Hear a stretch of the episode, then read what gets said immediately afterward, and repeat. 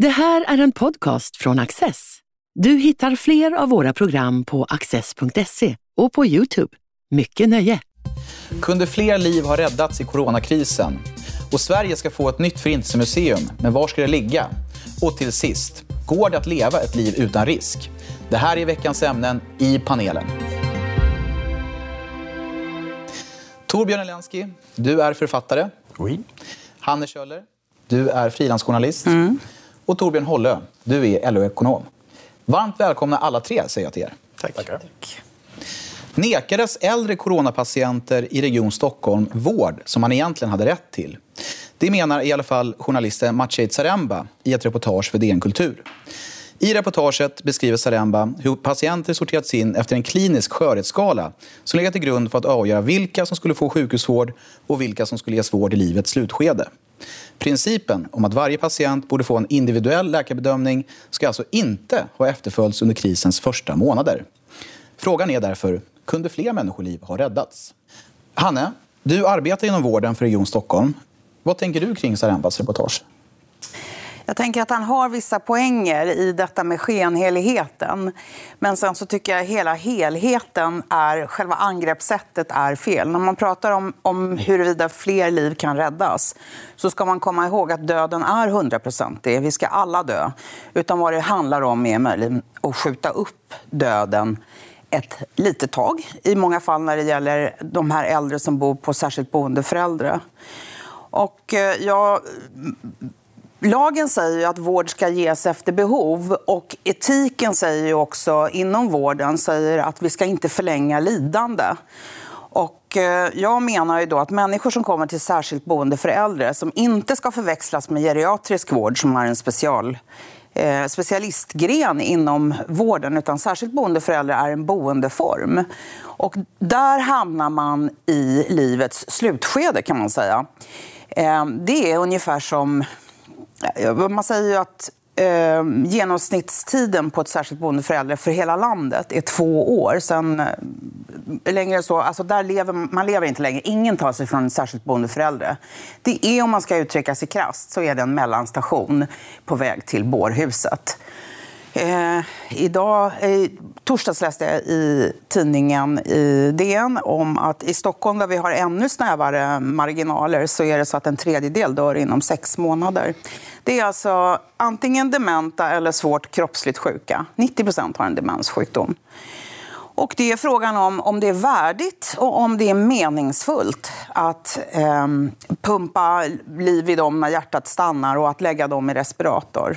Man vet också att respiratorvård är en oerhört krävande behandling där du har bäst chans att klara det om du är ung och frisk, eller relativt sett frisk förutom den åkomman som gör att du har hamnat i respirator. Och jag tycker att det finns i Sverige nu, efter corona, men även innan, en syn på liv och död som är fullständigt barock. Att man liksom ska hålla på och sätta in extremt krävande behandling och plågsam behandling på 96-åringar som har kanske ett amputerat ben för de är kärlsjuka, som kanske har demens och som har en rad andra sjukdomar. Jag tycker att eh, det blir bisarrt. Och jag tycker att det här redskapet som eh, Maciej Saremba redogör för, det här eh, hur man bedömer livskvalitet. Alla sådana redskap är fyrkantiga, men att använda det som någon utgångspunkt det tycker jag verkar vara en alldeles utmärkt idé. Fast, fast borde det inte då vara äh, läkare som gör bedömningarna? Det verkar ju som att det är lite hipp som happ med vem som gör dem. Ja, men jag tänker så här. Jag, jag blev ju färdig sjuksköterska 89. Ja.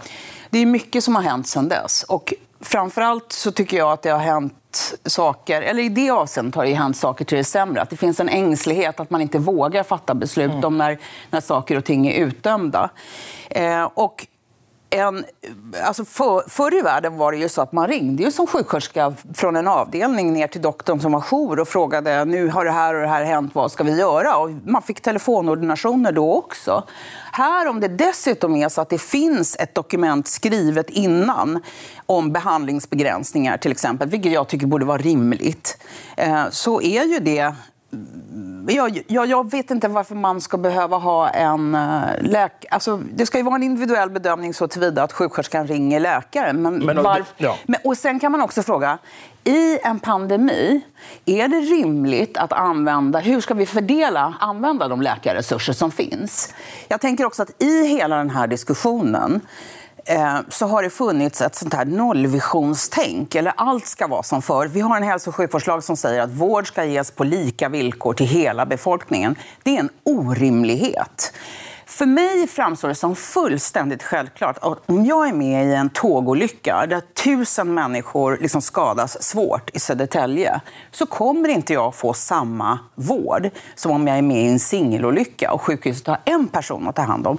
Till och med är det ju så att i katastrofmedicin, som jag är utbildad i en gång för jättelänge sedan, när man ska komma ut till en skadeplats och man ska liksom prioritera människor, man sätter färgmarkörer runt huvudet på dem, rött, grönt eller gult beroende på hur allvarligt skadade de är. Där använder man en annan måttstock än vad man gör i det dagliga arbetet på en akutmottagning. Så människor som på en akutmottagning i en vanlig situation skulle få högsta prioritet får här lägsta prioritet därför att man bedömer att vi kommer inte kunna rädda den här personen.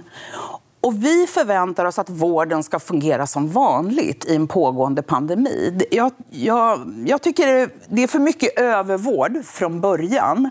Jag hade hoppats på att den här covid-situationen skulle besinna folket och förstå att det faktiskt inte är poäng att hålla på att sticka slangar i folk och skicka dem i plågsamma röntgenundersökningar och sticka hål i deras armar och sätta in kateter i deras urinblåsor utan att man skulle liksom låta livet vara slut någon gång. Men tyvärr så verkar det ju som att alla är jätteupprörda över att 96-åriga dementa inte har blivit lagda på intensiven. Jag är inte upprörd över det. Vad tänker du Torbjörn? Jag tänker att den här, i och med att vi fick in så väldigt mycket smitta, eh, och eh, inte minst i Stockholmsområdet, så, så, så var det väl så att man behövde göra väldigt, eh, man behövde göra prioriteringar, precis som du beskriver. Ehm, och så kan man diskutera om de här prioriteringarna var för hårda eller inte för hårda. Men där är vi egentligen grund, alltså grundproblemet, att vi hade helt enkelt väldigt mycket smitta. Och det väcker ju naturligtvis frågan om den svenska Eh, strategin i, den meningen det finns en svensk strategi. Därför att det har ju även de, de som utformade strategin vidgått att, att man inte riktigt förstod hur svensk äldreomsorg till exempel var organiserad.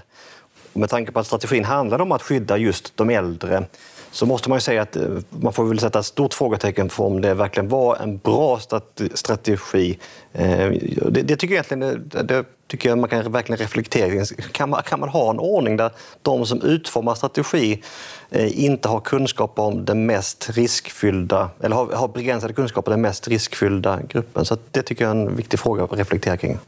Det skulle jag vilja säga att det tycker jag nästan, jag tycker det är jätteintressant det här med de sjukvårdsmässiga bedömningarna. Det kan ju faktiskt inte jag avgöra. Men jag tycker att det Saremba skrev om dels hur den här chefstillsättningen gått till, att en person som uppenbarligen inte har vare sig yrkeslivserfarenhet eller utbildning har kunnat gå direkt till att få, och som är 30 plus 34, 35, kunnat få ett sånt chefsjobb enbart, vad jag förstår, på att ha gjort karriär inom Socialdemokratiska partiet. Det är helt orimligt.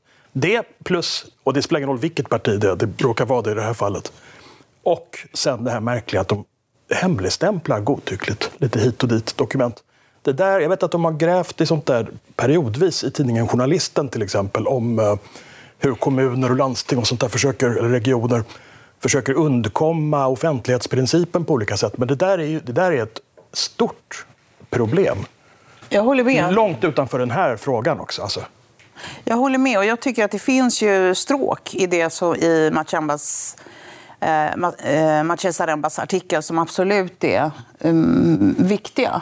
Men jag tycker just den här grundfrågan tycker jag är besvärlig. Nu har ju alltså, jag tycker den är viktig också, men man måste kunna diskutera den sakligt. Jo, men grejen är att politikerna kan ju inte säga det. liksom. Nej, det är, det, det är ett annat alltså, problem. Ingen, ingen törs säga detta. Som, och det är samma sak nu när det har också kommit upp det här att man har på de här särskilda boendena för äldre så har man de dementa som har varit där som har kunnat bli haft potential att bli superspridare som har varit infekterade och som inte förstår en instruktion om att du måste stanna på ditt rum. Där har man satt för stolar och sängar och så för att de inte ska komma ut ur rummet. Och nu riktar IVO allvarlig kritik. Det här är ju mot lagen. För att hur dement man än är så får man inte liksom låsas in. Nej, och det, men det är en omöjlighet. Alltså jag, tycker det är, jag tycker det är oförskämt mot de som arbetar mot särskilt boendeföräldrar som har gjort allt för att minska smittan, att de nu ska få skit av IVO för detta. Det är vår lagstiftning som är helt bizarr, som, som betraktar superdementa människor som beslutsmässiga. Alla som har fått sjukdomen har ju fått eh, vad ska vi säga, direktiv om att stanna hemma. De som inte då förstår de direktiven där måste man ju på något sätt skydda andra. Det är ju en målkonflikt här. Eh, jag tänker I själva eh, Sarembas reportage riktas ju en förödande kritik mot Region Stockholm och egentligen liksom hur vi har valt att organisera vår sjukvård på. Eh, det vill säga att vi har politiskt tillsatta, eller vi har politiskt valda som i sin tur då fattar policybeslut som man inte har fackkunskaper om egentligen. Och de blir sen till, ligger sen till grund för hur vården hur de som arbetar i vården ska, ska agera. Eh, finns det något bättre sätt att, att organisera det här på? Alltså det finns ju mycket som man kan reflektera kring. Jag tycker det är väldigt intressant att, det är Bo Rådstein jag varit på den här bollen flera gånger, alltså vi pratar om den italienska smittan, den svenska smittan, men så går ju kolla på hur det ser ut i Sverige och Italien. Men där har vi jättemycket smitta i norra Italien, jättelite smitta i södra Italien. I Sverige har vi haft samma situation, jättemycket smitta i Stockholm, andra regioner väldigt begränsat. Så uppenbarligen, och det finns naturligtvis en massa förklaringar till detta, densitet och slump och så vidare. Men jag, jag har svårt att komma ifrån att jag tror också det handlar om Alltså regional kompetens, kommunal kompetens, hur man har valt att organisera det. Och jag har absolut inga svar på vad... Men det skulle vara, jag tror att det är jätteviktigt att vi börjar gräva i detta. De regioner som har klarat det bra, vad har de gjort rätt? Så att säga? Vad kan andra lära av dem? Och, och ska man diskutera region, och kommun och stat, hela där, alltså ansvarsfördelningen i Sverige, så tror jag också det är en jätteviktig fråga. Vi har haft en väldigt lång period där fokus från politiken handlat om att, att biffa upp regionerna. Alltså regionerna är till överväldigande majoritet, så, alltså, deras uppdrag handlar om, om landstingsvård. Det man pratar om det är tillväxtstrategi och innovation och jada jada. Vilket har, tror jag gör att vi har fått alldeles för lite fokus och diskussion kring det centrala uppdraget, nämligen vården. Eh, och alldeles för mycket fokus på det som är liksom perifert. Och det som vi egentligen borde ägnat oss åt istället för att biffa upp regionerna de senaste åren hade ju varit att biffa upp kommunerna. För, för det är i kommunerna som, som behöver liksom mer, alltså, mer resurser, kanske, att, de, att de minsta kommunerna slås samman med andra kommuner, att man organiserar saker på annorlunda sätt. Så jag tror att det skulle också vara en väldigt viktig diskussion att ta. Jag tror att covid-19-krisen kommer Eh, förhoppningsvis eh, göra den här frågan, sätta den i blixtbelysning, som att vi måste organisera Sverige på ett adekvat sätt. Och det får bli slutordet i veckans första ämne. I våras stod det klart att regeringens utredare vill att det ska inrättas ett förintelsemuseum i Sverige. Politikerna i Stockholm och Malmö har länge argumenterat för varför ett sådant bör placeras just i deras stad. Men kommer inrättandet av ett förintelsemuseum att göra någon riktig skillnad? Eller är det, som GPs ledarsida skriver, ett sätt för regeringen att köpa sig ett gott samvete i en svårlöst fråga? Torbjörn, då vänder jag mig till dig. Vad tänker du? Jag tycker det verkar vara ännu en ganska meningslös symbolhandling. Jag förstår inte vad ett till museum ska fylla för funktion. Vi har ju flera museer där man kan ha utställningar kring Förintelsen om man vill. Alla tänkbara aspekter av den. Vi har Forum för levande historia som har, som du sa, flera olika utställningar som reser runt i landet. Vi har public service som kan göra program om det här. De kan sända Shoah om de vill på en egen kanal dygnet runt. Det vore fantastiskt. Ehm, jag har väldigt svårt att se att ett sånt här museum skulle tillföra någonting nytt. Och det är generellt ett problem skulle jag säga när det gäller Förintelsen att man an, har använt den politiskt så mycket på senare år. Ganska många år nu så är det som att Förintelsen är en sorts... Det är ju fruktansvärd händelse, ett historiens största brott och så vidare. Men att man hela tiden försöker använda den som någon sorts hotbild i samtida politik. Man verkar vara oförmögen att se den tidens så att säga, historiska förutsättningar hur läget såg ut i Europa och världen med allt ifrån då, om man ser det från vänsterhåll, kolonialism till från högerhåll, hotet från Sovjet och så vidare. Det känns som att det här förintelsemuseibyggandet skulle bara bidra till att stötta den här konstiga politiseringen av minnet av någonting som inte förtjänar att förminskas på det sättet. Och svenska skolungdomar kan ju dessutom, det finns mycket fina förintelsemuseer i Europa. Väldigt många åker i trean i gymnasiet till eh, Auschwitz till exempel. Det är fantastiskt. Bättre förintelsemuseum kan man ju inte tänka sig. Uh, och så att säga, det i kombination med bättre utbildning i skolan, fler utställningar om man vill, mer information, men också någonting som sätter det hela i sammanhang på allvar i 1900-talets stora fruktansvärda historiska händelseutveckling. Vad tänker Hanne? Nej, men jag tänker också att Forum för levande historia är ju i mångt och mycket ett förintelsemuseum eh, med en rad andra uppgifter. Men jag håller ändå inte med Torbjörn riktigt, för jag tänker så här att eh, jag har varit på flera av de här förintelsemuseerna i Washington och i eh, även det här fantastiska i... I Jerusalem? i, nej, i Auschwitz, ja, ja, och så okay. Anne Frank-museet och så vidare. Men däremot har jag också varit på folkmordsmuseet i Rwanda. Och jag tänker att folkmord är... är jag tänker att vi har någonting att lära av det, därför att det är vi inte vaccinerade mot och det kan komma igen och de mekanismerna bakom. Så snarare ett folkmordsmuseum. Det som jag tycker rör ja, till... Vidare, ja. Ja, ja i så fall. Absolut. Eh, det som rör till den här debatten det är ju också att det finns en eh, antisemitism, i huvudsakligen i Malmö, som Sverige har fått kritik för. Och att man menar att om man placerade Förintelsemuseet där så skulle de ungdomar som har en bakgrund i Mellanöstern, som i princip har fått antisemitismen med bröstmjölken eh, liksom botas på något sätt, eller skulle vara en åtgärd mot det. Och det tror jag inte det minsta på, för jag tror inte att det är de som skulle besöka det här förintelsemuseet. Och jag tror inte... Ja, där har ju skolan en, en viktig funktion att fylla i den mån det går att liksom, göra någonting åt det. Men, så att de här politiska effekterna av ett museum, det, det tror jag inte funkar. Men däremot gärna ett folkmordsmuseum för att det är oerhört ja, viktiga och, saker. Om man, ska, om man ska prata om Malmö, låt oss säga att man skulle lägga det i Malmö. Om det då skulle handla om andra världskriget i en sorts bubbla skulle det bli ganska meningslöst. Men om man däremot utvidgade det till, och, till att berätta om nazisterna som flydde till Egypten och Syrien och som bidrog till att bygga upp den antijudiska propagandan i de här länderna under 50 och 60-talet. Länder där man så sent som för några år sedan gjorde tv-serier baserade på Sions vises protokoll. Alltså det stora problemet med antisemitism i Sverige är inte den här 30-40-tals antisemitismen längre. Det finns nazister i byar i Dalarna, och Värmland och Skåne, vad du vill. Det finns lite här och var. Men det är inte särskilt många och ingen respekterar dem. Men däremot så finns det då viss annan typ av antisemitism och dessvärre inte minst med rötter i Mellanöstern som vi inte har kunnat prata klarspråk om på över 20 år. Ja. Men i 20 år har det varit ett så att säga, växande problem. Mm. Om man ska diskutera frågan om vad man ska placera, om man nu ska ha ett förintelsemuseum tycker jag att Malmö är ett väldigt bra alternativ. Men inte utifrån, inte för liksom en näsknäppa för att mot liksom personer med en eh, bakgrund från Mellanöstern som när antisemitiska uppfattningar, utan helt enkelt därför att Malmö är Malmö är väl den staden i, i Sverige som är på något sätt som var, som, eh, var mottagare för, för de som flydde från Förintelsen och de som kom räddades från Förintelsen. Så, att, så Malmö har en väldigt naturlig historia kopplat till Förintelsen.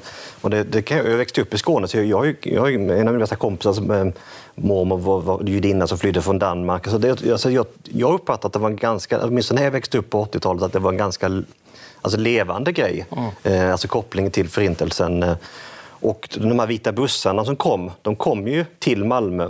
Och det var ju till som var så, det som nu är Malmö museum var uppsamlingsplats för, för Vita bussarna. Och eh, Vita bussarna är ju också en del av Malmö museums utställnings... Så jag tycker inte att det är väldigt naturligt att, att utveckla det. Alltså Malmö museum gör ganska mycket kring Förintelsen redan idag. Jag tycker att det verkar väldigt naturligt att utveckla dtta för att det... Ja, det behövs det ett till museum för det? Malmö museum kan inte göra det här? Det, det, är mycket möjligt, men om frågan är att vi ska ha ett museum någonstans så tycker jag att Malmö är ett bra alternativ. För att då inte, med, inte, inte för att det bor liksom personer som har bakgrund i Mellanöstern och tagit med sig de här värderingarna utan helt enkelt för att Malmö på Fast egna... det är de som är problemet idag. Så att... Ja, men jag är inte säker på att, att museums, syfte med museum är att, liksom att är det, är det huvudsyftet med museum? Att liksom att... Nej, det borde väl inte vara huvudsyftet, men jag antar att det är därför man egentligen vill ha det i Malmö. Det är väl inte bara för att anknyta till historien. Jag tycker också om det gäller judisk historia i Sverige att det, vore, det skulle behövas mer uppmärksamhet kring den eh, 200, vad blir det, 230-240-åriga minst judiska historien i Sverige. Kring de här orterna då inte minst, där, som Malmö inte var, utan Karlskrona, eh, Norrköping, Sundsvall lite senare för mig där judar fick bosätta sig, där det finns gamla... Eh, nu finns de ofta inte kvar, de här gamla församlingarna, men det har funnits församlingar i alla fall från och till under flera hundra år. sånt där. Det finns en, en, så att säga, en positiv judisk historia i Sverige också som ibland verkar försvinna helt och hållet bakom Förintelsen. Den tror jag också. Det finns i Judiska museet i Stockholm, men det är värt att uppmärksamma också. Sverige är ju dessutom unikt, skulle jag säga, i Europa, möjligen jämte England i och med att de här gamla judiska familjerna, den judiska borgerligheten helt enkelt, är ju inte försvunnen i Sverige. Den har ju funnits kvar, den har ju överlevt. Medan den är utrotad helt enkelt i Tyskland och Österrike och alla, ja, alla centraleuropeiska länder i Europa. Och det får avrunda det ämnet, för nu är det dags att ge sig an med veckans tredje och sista ämne. Ett liv i maximal lycka och maximal trygghet. Det är väljarnas krav på våra folkvalda i västvärlden. Rätten till trygghet och självförverkligande har ersatt lusten till frihet. Trots det omöjliga uppdraget gör våra folkvalda allt, eller låtsas göra allt, för att uppnå folkets högt ställda förväntningar. Resultatet blir löften från det offentliga som aldrig kan hållas och en demokrati som sakta urholkas. Ansvaret för det här ligger på oss alla och det är avgörande att vi hittar en väg framåt. Det här är huvudpoängen i historikern Robert Crowcrofts essä som finns att läsa i det senaste numret av Access magasin. Och med den långa inledningen så vänder jag mig till dig, Torbjörn. Finns det något att lära här? Alltså jag måste jag, jag delar inte författarens analys. Eh, jag, jag, tror, jag uppfattat att, att artikeln delvis är tillkommen utifrån hans reflektioner kring hanteringen av covid-19 Eh, liksom det här, han liksom menar att politikerna intagit den, eh, den enkla positionen att försvara oss mot någonting som, eh, Eh, som inte går att försvara oss mot. Eh, att, och jag tror att det, och egentligen artikeln känns... Och så gick diskussionen ganska mycket i våras, att, att det uppfattades som att det fanns liksom ett, eh, ett vägval med, alltså mellan ekonom, ekonomi, ekonomisk tillväxt och eh, hindra smitta. Men sen dess har, det, har ju liksom, någonstans empirin visat att det, här, det finns inget sånt val längre. Utan att, att, att att att ska man sky, alltså, minimera risker är, handlar inte bara om minimera, alltså, det handlar också om att skydda ekonomin. Så, att jag, så att jag uppfattar att han, den artikeln har tillkommit i, i en, en, en, diskurs som egentligen har visat sig vara eh, i princip fel. Så. Vad säger ni andra? Jag håller inte heller med om artikeln. Jag tycker att det finns allvarliga demokratiska problem, men det han beskriver är möjligen bara eh, symptom på det mer grundläggande och som är att dels de här sociala medierna, nätets enorma betydelse för kommunikationer, det förändrar verkligen mycket, mycket mer än vi har fattat. Tillsammans med automatisering och så vidare som kanske inte riktigt har slagit igenom än, men det är ju på gång. Liksom. Och kan också få fart av covid-19 förstås.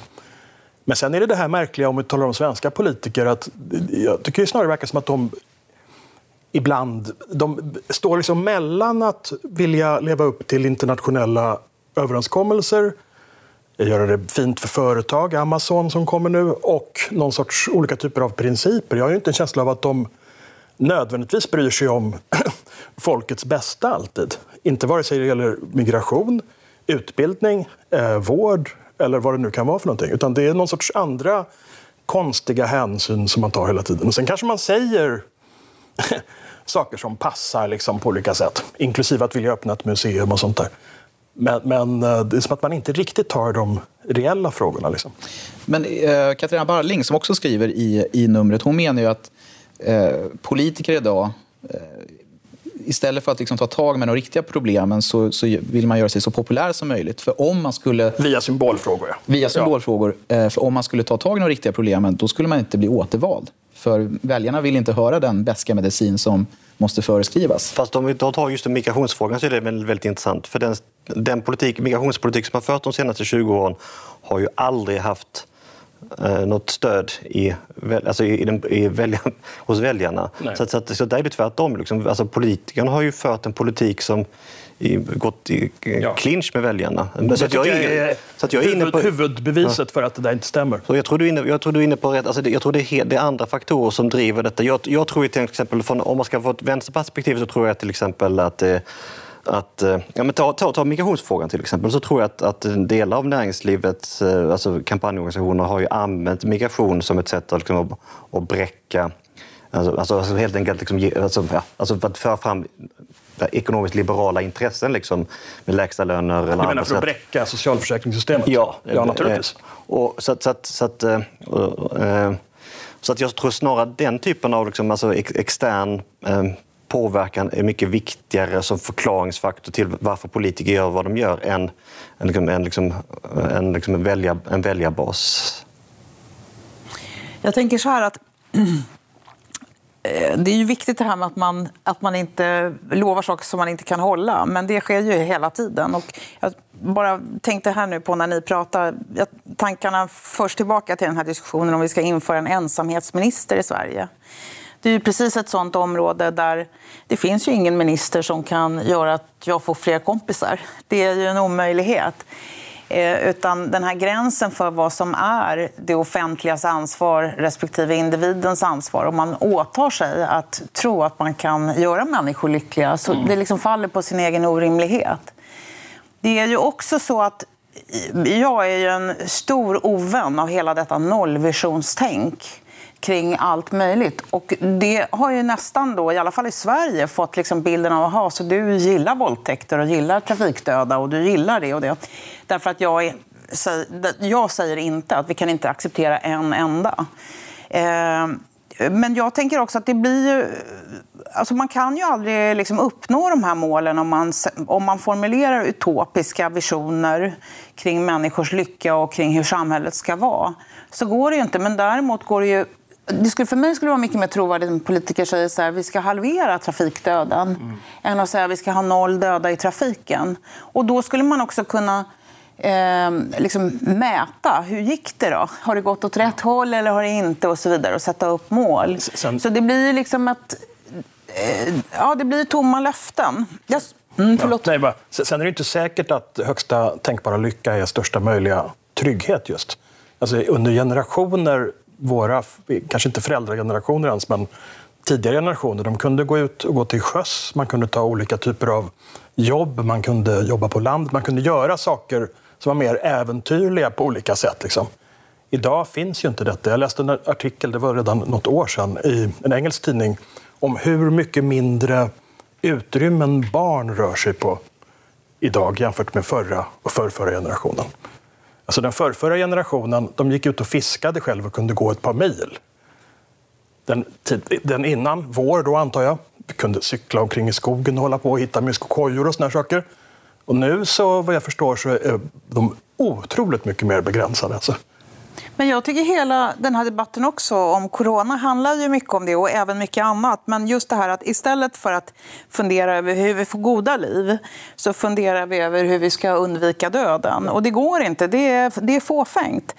Eh, och den här riskminimeringen, jag såg också, det har ju varit en otroligt infekterad debatt nu över att vi inte har haft respiratorer i lager och att vi inte haft munskydd och vi har inte haft handsprit och vi har inte haft det ena med det andra. En del av det tycker jag är befogat. Man måste liksom ha vissa lager, det vet varje, eh, varje hushållsmor att man ska ha liksom lite mjöl och sånt hemma i skafferiet. Men, men jag minns också att under de här bränderna i Västmanland, då var ju kritiken precis likartad. Varför har vi inte mer brandslang i lagren? Och det känns som att vad vi än kommer att eh, utsättas för så är det så att vi, vi är så vana att leva riskfria liv Det ska alltid finnas någon att ställa till svars för saker som händer. Ja. Så att vi, vi kommer inte... Och, jag ska bara säga det, och ironin Sista ordet, Torbjörn. Ja, ja, okej. Okay. Ironin med det där är ju att Sverige under hela efterkrigstiden hade enorma beredskapslager.